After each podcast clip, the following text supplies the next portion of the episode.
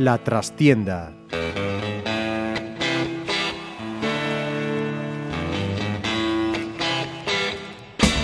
Saludos amigos, os habla Ramiro Espiño en nombre de todo el equipo. Comenzamos una nueva edición de La Trastienda en Pontevedra Viva Radio desde nuestros estudios en la calle Michelena de Pontevedra. Sufrió el Pontevedra para imponerse a un Corucho que fue mejor en todo menos en el resultado. Dejó escapar un partido casi ganado el Teucro frente a un rival directo como Puente Genil. Cayó el Cisne en Antequera y el Arsil en Lugo empañando su buen arranque de temporada, lo que les deja ahora con escaso margen de error. Y en Pasarón hubo derby, como decimos, Pontevedra y Corucho se enfrentaron en una jornada en la que pesaba, y mucho, lo sucedido el desgraciado fin de semana anterior con la ola de incendios que asoló Galicia, Asturias y Portugal.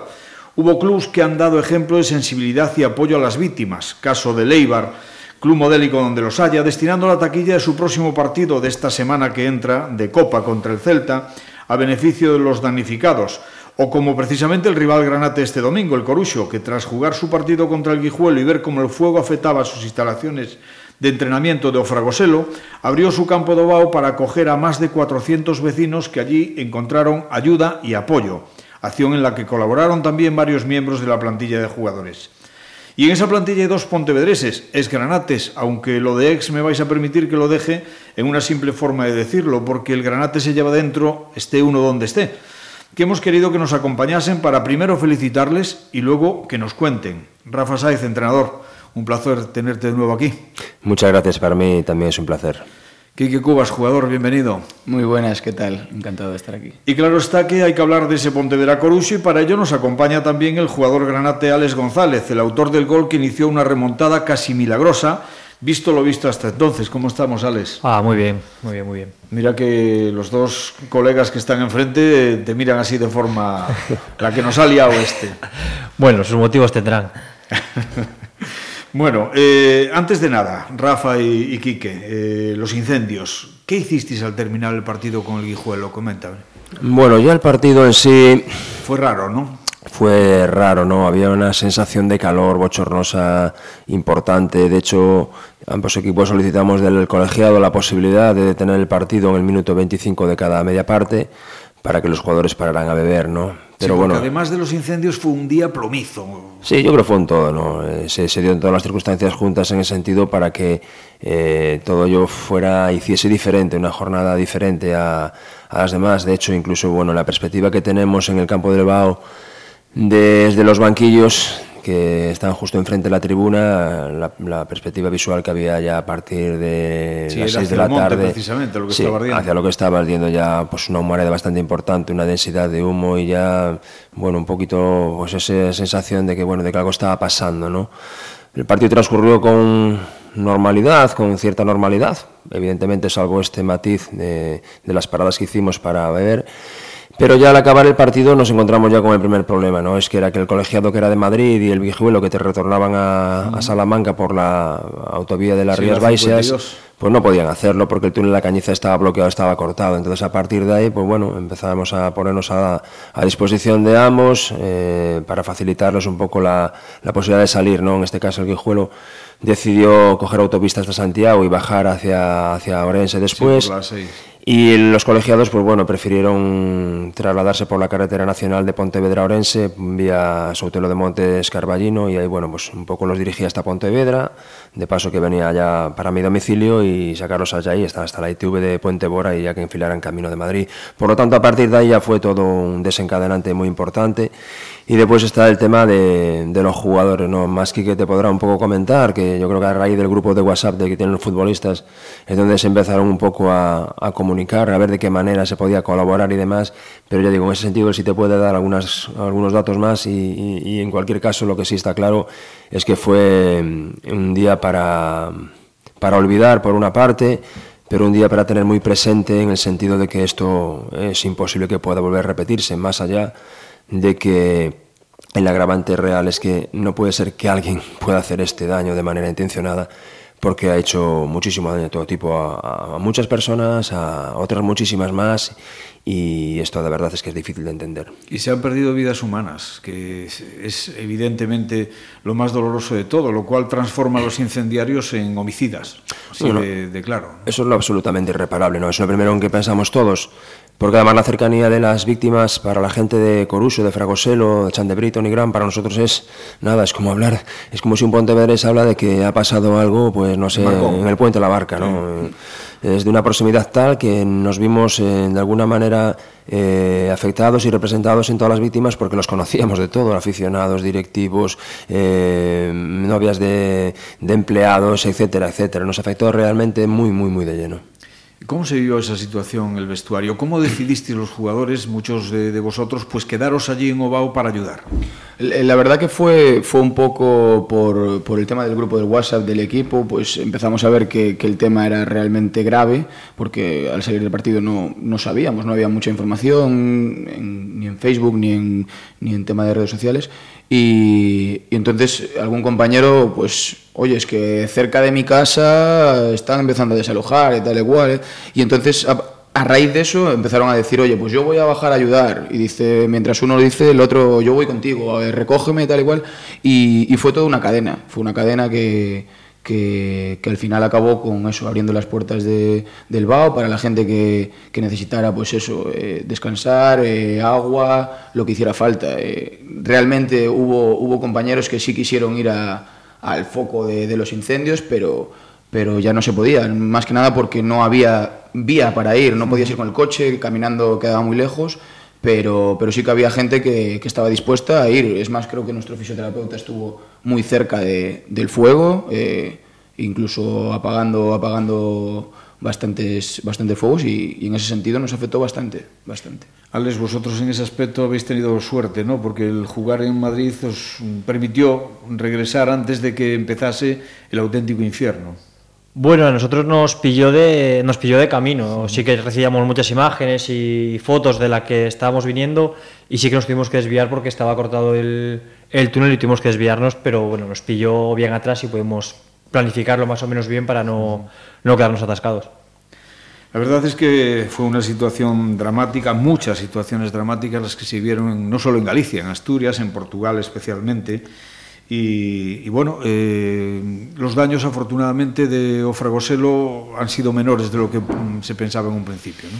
Bueno, los daños son importantes, tanto es así que a día de hoy eh, no podemos utilizar las instalaciones. Tenemos más de 250 niños que forman parte de las categorías inferiores del Corusio Fútbol Club que están desplazados por los diferentes campos de las localidades, incluso en los campos de fútbol playa allí de Leri, de, lado del Bao, entrenando donde se puede y, hay daños suficientes para que la instalación a día de hoy no esté abierta. ¿no? Todo el tendido eléctrico que conduce la, la, corriente para las torretas, para lo que es el servicio de eh, motores de agua, duchas y demás, el campo que aunque no se ha quemado en su totalidad, eh, tiene focos de quemaduras de lascas que cayeron sobre, sobre el mismo, las redes que circundan el campo, las perimetrales, que son las que impiden que el balón se vaya fuera, eh, quedaron completamente reducidas a nada porque el calor las derritió por completo. En definitiva, ya digo, no daños, eh, digamos, monstruosos, pero sí suficientes para que la instalación a día de hoy esté cerrada y no se pueda utilizar. Bueno, pues deseando evidentemente que este tipo de, de situaciones no se vuelvan a vivir nunca más ni en Galicia ni en ninguna parte, pues vamos a hablar del derby. Eh, Pontevedra Coruxo en Pasarón. Me vais a perdonar que lo diga con, con todo el cariño del mundo, pero se os ha borrado la cara de tontos ya.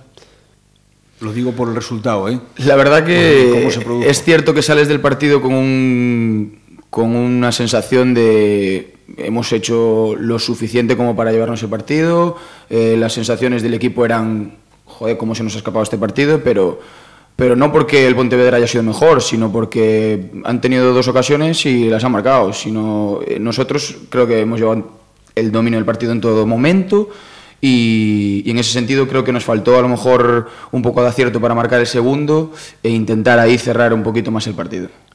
Eh, se, yo creo que ayer, más que nunca, o, o, como muy pocas veces, se cumplió la famosa máxima futbolística del que que perdona paga, ¿no? Sí, hombre, yo creo que quedó muy claro. Nosotros lo, yo lo valoré ayer en rueda de prensa, sí, y, y después de haber visto la película del partido, yo creo que se puede reafirmar ¿no? que no, no, perdimos el partido por encajar dos goles, perdimos el partido por no haber metido seguramente otros dos cuando tuvimos la oportunidad de hacerlo ya con el marcador en 0-1. Y ahí, pues lógicamente, en un partido de esta categoría, en segunda B, donde el fútbol de arrebato de alguna manera te permite siempre llegar a situaciones eh, de posibilidad de meter gol, pues con 1-0 siempre estás en la posibilidad ¿no? de que el equipo local, pues en este caso el Pontevedra, en una acción de juego propia, en una acción aislada, en una acción de estrategia, en el caso de ayer, el tiro de Alex que iba a las manos de Alberto Domínguez y, y en la trayectoria hacia la portería le pega en el hombre a Fernando Domínguez, lo desvía justo el metro suficiente para que Alberto se despiste y no la coja. Y después una jugada de penalti, una mano accidental, un balón que viene nevado y que le cae en la mano a Fernando, la verdad son dos acciones que yo creo ni tan siquiera se podrían calificar como ocasiones, ¿no? Fueron dos eh, presencias del Pontevedra en el área rival que supusieron la posibilidad de dar la vuelta al marcador cuando evidentemente, ¿no? Como dice Quique, yo creo que habíamos hecho lo suficiente y, y, lo necesario para haber de alguna manera ampliado nuestra ventaja, que eso hubiera sido ya seguramente un aval definitivo hacia la victoria. La otra cara de la moneda es la vuestra, claro, Alex, porque no habéis hecho ni de broma el mejor partido de, ni de la temporada, ni yo me atrevería a decir incluso de bastantes temporadas anteriores. Yo creo que fue de lo, de lo más espeso que os salió. Y sin embargo, pues eso, el 0-1 os mantuvo ahí hasta que llegó esa oportunidad que tú enchufaste. Sí, está claro que nuestro partido no fue, no fue nada bueno, fue muy malo. Lo mejor del partido fue, fue el resultado, claro está.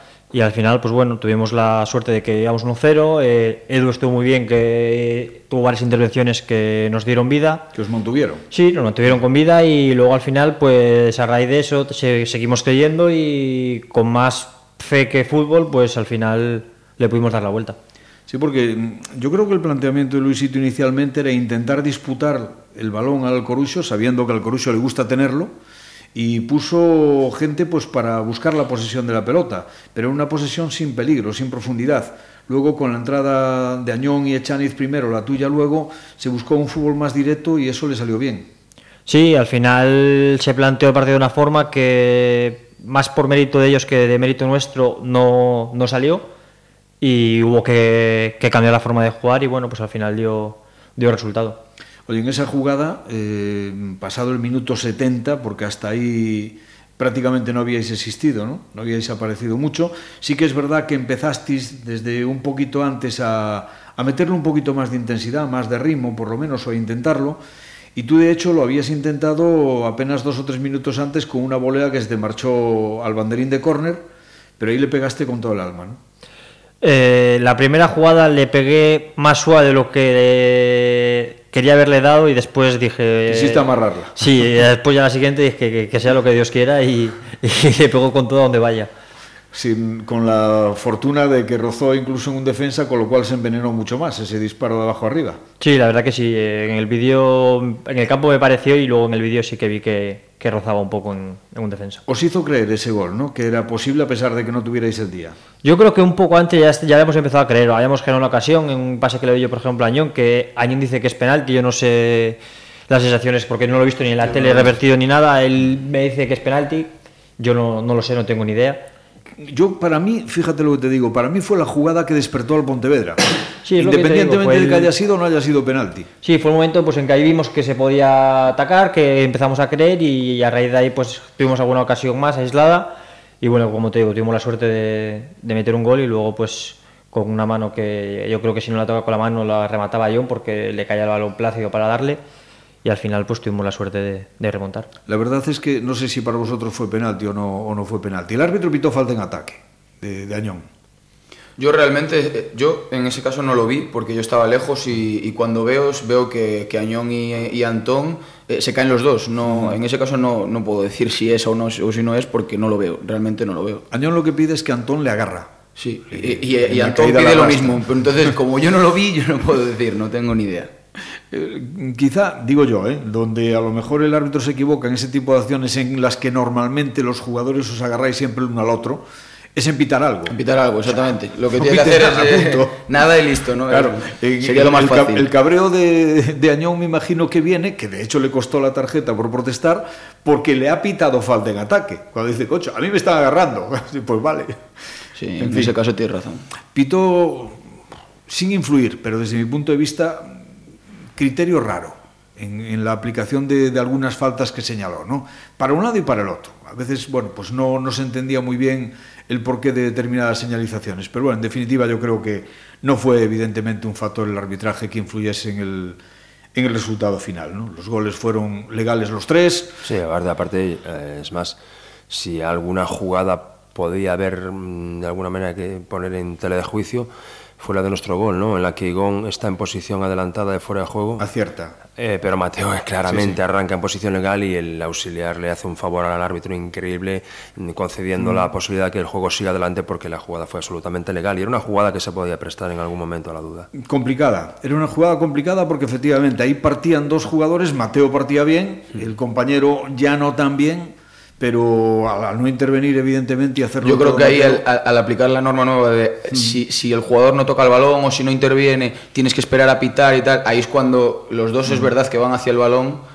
y Mateo le dice, oye, que yo vengo de más atrás, déjamela que, que, sea claro que no es fuera de juego, porque Ivón sí que, sí que es verdad que creo que estaba un poquito adelantado. Sí, está fuera de y, y, en ese caso yo creo que eh, aplicó bien esa norma, la norma nueva de esperar a pitar y esperar a levantar la bandera, en este caso el, el linier. Por cierto, yo reconozco que futbolísticamente tengo de siempre eh, debilidad por Mateo, pero qué calidad tiene el condenado porque la, la, definición que hace, cómo se va de, de, fuera hacia adentro y cómo la pone luego al palo, al palo corto, ¿no? Donde no la espera el portero. Sí, a ver, no solamente es la evolución de la acción técnica, ¿no? que es impecable, es eh, incluso a nivel táctico, ¿no? La, un jugador medio centro que aparezca en esas posiciones, eh, digamos, eh, fuera de su rango de, actuación, también dicen que es un jugador que sabe leer, no solamente cómo tiene que manejar la pelota, sino que tiene que saber cómo utilizar los espacios, de dónde aparecer en los momentos oportunos. Y yo creo que en ese sentido tampoco vamos a descubrir a Mateo, ¿no? Es un jugador que viene ya con una trayectoria importante en el fútbol y es de esos jugadores que tú cuando los ves dices tú, es que no me puedo explicar cómo este chico no puede estar jugando en otra categoría superior, porque la verdad es que es un jugador de otro Yo lo he pensado muchas veces, porque llegó a la Ponferradina, no tuvo demasiada continuidad tampoco ahí en segunda división. Tuvo mala suerte con las lesiones también en la Ponferradina, estuvo... Sí, la lesión ha penalizado bastante. En la Ponferradina es un jugador muy querido, ha participado en el ascenso del equipo de segunda división A, pues en segunda, pues bueno, le costó porque el calvario de lesiones para él ha sido una constante en su carrera deportiva y la verdad, yo creo que solamente por eso, solamente por eso se puede entender que no este chico no, no haya jugado más tiempo en las categorías importantes del fútbol en el español. Alex, estábamos en el 1-1 y bueno, pues con una, una grada de pasarón que se mantenía tranquila a pesar de que el equipo no, no, estaba teniendo una buena actuación, pero que a partir de ahí se volcó completamente y eso supongo que os dio un plus también. ¿no? Sí, yo creo que al despertar nosotros también despertaron un poco ellos y que siempre, siempre es bueno sentir el, el apoyo de, que nos da la afición y, y nos ayuda un poco más para, para seguir creyendo. Y Añón que a pesar de que estuvo entre algodones durante la semana, bueno, pues salió y una vez más sigue sumando golitos. Sí, ya, ya lleva siete. En el vestuario le, le vacilaban un poco, le decían que era como Juanín García, el del balumano, que salía para tirar los penaltis. pero sí, la verdad que está... Sí, pero los penaltis hay que meterlos. No, ¿eh? está claro, hay que meterlos, que ha tirado cuatro, ha metido los cuatro y no es fácil. Además ha tirado los cuatro bastante bien, yo creo, engañando de los cuatro, si no creo recordar al portero. Así que muy contentos porque ya está sumando muchos goles, es importante para él y para, y para el equipo. Quedaban como 10 minutos más o menos y el descuento, cuando se consigue el 2-1, y a partir de ahí ejercicio de supervivencia, ¿no? replegarse atrás, trabajar como condenados, impedir que el Corusio reaccionase y buscar alguna contra si llegaba. Sí, la verdad que he llegado a ese punto y viendo la tónica de los 80 minutos anteriores donde habíamos sido inferiores, no habíamos hecho nuestro juego, pues no quedaba otra que arroparse y, aguantar el resultado, que era lo más importante que teníamos en ese momento, y defender. Bueno, dos equipos, Rafa, muy cambiados ¿no? con respecto a la temporada pasada. Tanto el Corusio como el Pontevedra habéis hecho una barbaridad de cambios en, en la plantilla y eso quizá os ha llevado, os ha afectado al rendimiento inicial del conjunto. Bueno, para nosotros esto de los cambios de la plantilla no es una, no es una, no es una novedad. Todos los años nos suele pasar lo mismo, ¿no? Eh, porque bueno, siempre tenemos un mercado eh, dentro de la segunda B que es determinado a nivel económico y después tenemos una necesidad imperiosa de acudir al mercado de la tercera división tratando de poner en valor a aquellos jugadores que hayamos un poco seguido durante parte de la temporada. Es cierto que eso pasa así, los traemos, esos jugadores que más o menos destacan en tercera y creemos que nos pueden ser útiles, los ponemos en valor y al año siguiente pues se van. En algunos casos con beneficios para el club, como es el caso de Santi Comesaña, en otros casos pues como ha sido Ángel Bastos, como ha sido otros jugadores, porque bueno, acaban sus contratos eh, y, lógicamente les salen novias para poder jugar en equipos de, otra categoría. Y todos los años como mínimo partimos eh, con muchas, muchas novedades. ¿no? Este año somos 12 jugadores nuevos, el año pasado fueron 17 y la verdad todo eso no hace fácil, no hace fácil la tarea de engranar a un equipo. ¿no? Pero bueno, de todos modos para nosotros ha habido, si cabe, otros eh, puntos de inflexión a la hora de conformar el equipo en la pretemporada, que ha sido, para nosotros la temporada fue bastante desastrosa, bastante mm, floja a nivel de todo, ¿no? De, de encontrar el nivel de entrenamiento, encontrar el ritmo de partidos. Digamos que la hemos empezado a hacer en las tres, cuatro primeras jornadas, porque la pretemporada en ese sentido no ha sido muy útil. Y nos ha afectado mucho la lesión de Mateo. Mateo se lesionó en la segunda sesión de entrenamiento y no apareció en la siguiente hasta un mes después. Por lo tanto, también eso de alguna manera condicionó mucho nuestra preparación, porque para nosotros es un jugador que es eh, fundamental en nuestra idea futbolística, en nuestro estilo de juego y tanto dentro como fuera del terreno del juego también lo es. Y con todo eso, pues es cierto que hemos eh, tenido un impasse importante de espera hasta la hora de encontrar más o menos un guion futbolístico. Y es cierto que llevamos ya dos partidos muy buenos. El día del Guijuelo jugamos excelente, ayer jugamos excelente y creo que en ese sentido más o menos hemos encontrado el camino. este grupo, con los cambios, eh, la incorporación de los conjuntos madrileños sobre todo y demás, desde mi punto de vista resulta mucho más atractivo que el de los años anteriores. Por todo menos por una cosa, que a mí francamente me imagino que a vosotros tampoco, no me gustan nada los partidos de mañana. Me parece que para infantiles, juveniles y demás, pues está muy bien, pero los partidos de mañana pues parece que no, no nos sientan demasiado bien, por lo menos a los conjuntos gallegos, ¿no? Pero es un grupo muy igualado, me lo parece a mí, con unas tremendas sorpresas en el arranque liguero. Rápido de Bouzas, Fabril, Cerceda en lo positivo y Castilla, Ponferradina, Valladolid B o Toledo en lo negativo. No sé cómo lo veis vosotros. Al final se está viendo lo que, bueno, lo que hablábamos antes, antes de, entrar en antena, que, al final los nombres no, no, te hacen, no te hacen estar más arriba, ni, ni, por el hecho de pagarle más a los jugadores vas a tener asegurado el cuarto puesto o el tercero, sino que al final un, grupo humano y una idea de juego clara, y eso es lo que al final eh, te va a llevar a, conseguir eh, ganar partidos y con eso hacer puntos. Eh, yo creo que eso es lo lo más importante en ese sentido. Lo de jugar de mañana casi que no, ¿no, Alex? Bueno, yo estuve un año entero en el Lealtad jugando todos los días a las 12 de la mañana, es algo que, que no me pilla por, por sorpresa. Yo preferiblemente prefiero por la tarde, pero, pero bueno, hay que adaptarse a, a todo tipo de horario, de campos, que también hay campos peculiares, como pues el de la Darbe, que es un campo que yo jugué en una fase de ascenso en el viejo en el que jugaban, que era todavía más pequeño que el de ahora, y es una es un auténtico bueno, tú, es que, tú es que no conoces el campo un campo que había por aquí de un equipo en tercera división que era el Dorneda le llamaban el futbolín. O sea imagínate campos pequeños 47 de ancho el de la yo creo que había perdido una fase de ascenso por jugar en el Dorneda. No, no, la fase de ascenso no, pero estuvo a punto de quedarse fuera porque empató a uno cuando, ya estaba descendido. Sí, sí, sí, sí. me acuerdo. O sea, podía haber quedado primero y quedó de cuarto. Y quedó cuarto, es verdad, no me acuerdo. Sí, el de la Darbe quiero recordar que tiene 50 metros, tenía el viejo, o sea, es un campo que es una ratonera que allí pues, hay que ir a la guerra. Hay que me, me parece ridículo que se autoricen esos campos en un fútbol profesional o semiprofesional, pero bueno.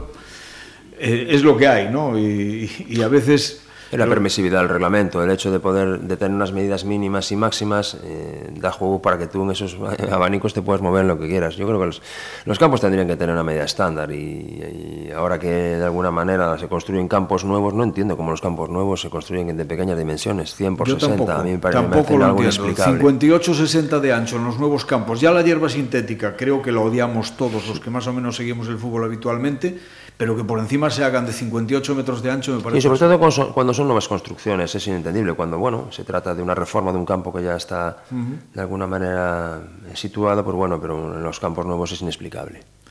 Es que, hombre, para niños está bien, pero para hombres se queda como que no es lo mismo que, que desplace un balón a alguno de estos hombres que nos acompañan o que lo desplace un infantil. Ah, sobre todo por el despliegue físico a la hora de cubrir espacios. Un jugador profesional o un jugador ya de nivel, evidentemente, necesita, necesita otras dimensiones. Lo que me queda tu opinión un poco sobre el grupo, Rafa. Yo creo que es atractivo para el espectador, ¿no? A mí no me gusta un pelo. ¿No? no. ¿Por qué? Porque yo creo que, mm, por lo menos nosotros hicimos una planificación de plantilla pensando en un grupo y nos hemos encontrado con otro, ¿no? Y, la verdad, el potencial de este grupo es muy grande. Equipos madrileños que estamos viendo como Rayo Majadahonda, Navalcarnero... Claro, yo por eso lo digo, como espectador me encanta. Ya, hemos perdido, hemos perdido porque no cabe duda de que los cuatro equipos navarros de alguna manera no están a la altura de los equipos madrileños y los filiales el filial de, de Osasuna B evidentemente no está a la altura de Atlético Madrid o Real Madrid Castilla. en, definitiva, el grupo es mucho más potente y yo creo que va a ser de mucha más exigencia y lo estamos viendo. Ayer, eh, si repasamos los marcadores, vemos que de dos goles no ha pasado nadie y que la máxima diferencia en el, marcador ha sido de, un gol de diferencia. Decía, por lo tanto. decía Alex el campo del Unión Adarve, pero yo creo que se está revelando también como un sitio complicado el de Navalcarnero. No, pero el, el, campo más difícil para, para, ganar partido va a ser el de Rápido Bouzas, sin lugar a dudas. Un campo de dimensiones eh, particulares y pequeñas, un campo además donde el bote el balón es muy vivo y un equipo el Rápido Boza es que interpreta el juego como nadie y que está en su salsa. Lo estamos viendo todos los domingos y es con diferencia el sitio donde va a ser mucho más difícil puntuar. Bueno, 10 jornadas, un cuarto de liga, eh, números redondos. Dicen los amigos de las estadísticas que llegado a este punto las clasificaciones suelen ser, con contadas excepciones, un cálculo de lo que luego resulta al final. ¿Estáis de acuerdo? Yo, mis jugadores lo saben, yo creo que un cuarto es demasiada medida eh, media vuelta puede parecer trabajar a demasiado plazo. Para mí la media más exacta es el tercio de liga. 30 38 partidos, 13, 13 y 12. Los 13 primeros para bueno, coger posiciones, los 13 siguientes para consolidar y los últimos 12 para confirmar lo que vas a hacer. Y nos, nos quedan ahora eh, tres partidos para cerrar el primer tercio de liga y ahí sí creo que ya, después de haber jugado contra 13 equipos, eh, va a ser bastante fiable mm, lo que más o menos el sitio donde vas a mover durante toda la temporada. Tú sabes quién lleva esa estadística más o menos a rajatabla, ¿no? Un, un, buen y común amigo nuestro, de todos nosotros creo, Milucho. Sí, sí, sí, sí. No, Él no, dice 10, 12 partidos, sí. más o menos se clava a sí, final sí. de temporada. Sí, sí, sí, no, no, no hay mucha vuelta porque ya ya digo, a una vuelta, pues bueno, es más fiable, evidentemente. A un cuarto de vuelta, a 10 partidos, es que en 10 partidos no, es todavía todo muy prematuro. En nuestro caso, muchísimo más por lo que decía antes, ¿no? porque los primeros partidos para nosotros han sido de, ajuste ¿no? de a la categoría y a la preparación, no, no nos han servido de mucho para, para mucho más. Bueno, en cualquier caso, creo que no me equivoco si digo, Quique, que el Corucho no firma la clasificación actual a final de liga. No, por supuesto, no. O sea, nosotros. Eh, eh, queremos eh, por lo menos estar eh, entre los 10 primeros, 8 primeros y, trabajamos todos los días para ello. O sea, la, la clasificación ahora mismo eh, nos deja en una posición un poco, un poco baja para lo que nosotros creemos que, que tenemos que, eh, que optar. Yo creo que, que, podemos estar un poquito más arriba y el juego, las últimas semanas, yo creo que en juego estamos demostrando que, que podemos estar más arriba. Y por supuesto, Alex, para el Pontevedra tampoco, ¿no? No, obviamente tampoco. Nosotros venimos de. empezamos muy mal, muy mal porque sumamos un punto de 15 posibles. Y obviamente hay que darle la vuelta a eso y hemos mejorado bastante. Yo creo que le hemos dado un poco la vuelta a la tortilla Ahora los últimos cinco llevamos cuatro victorias, creo que es importante y queremos seguir en esa línea. Entonces, obviamente tampoco lo firmamos. Pues chicos, toda la suerte del mundo, obviamente tanto por Coruso como para el Pontevedra, pero especialmente por vosotros y por la buena relación que hemos tenido siempre y que, que el aprecio creo que es palpable. Sí, evidentemente es así y todos desearemos que, al final de temporadas podamos estar aquí y contar que nuestros objetivos los hemos visto cubiertos. Muchísimas gracias, Rafa Saez, Quique Cubas, Alex González. A vosotros. A seguir creciendo todos. Y a todos vosotros, a los que nos escucháis, os dejamos ya con nuestra despedida habitual, despedida musical. Duraron poco, pero llegaron muy alto. Shocking Blue fue una banda holandesa de rock formada en 1967 y disuelta en el 74, que en el 1969 dieron el salto a la fama mundial con su tema Venus, un sencillo que llegó a ser número uno en Estados Unidos y del que vendieron más de 5 millones de copias. Como siempre, que lo disfrutéis. Será hasta la próxima semana, que intentaremos que haya más y si podemos también mejor. Muchas gracias, os esperamos.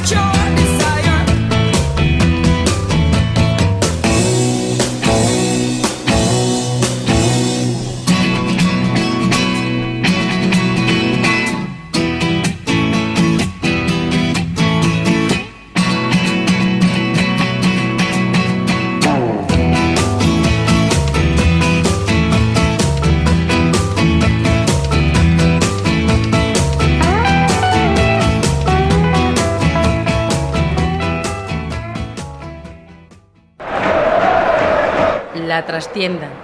Pontevedra Viva Radio.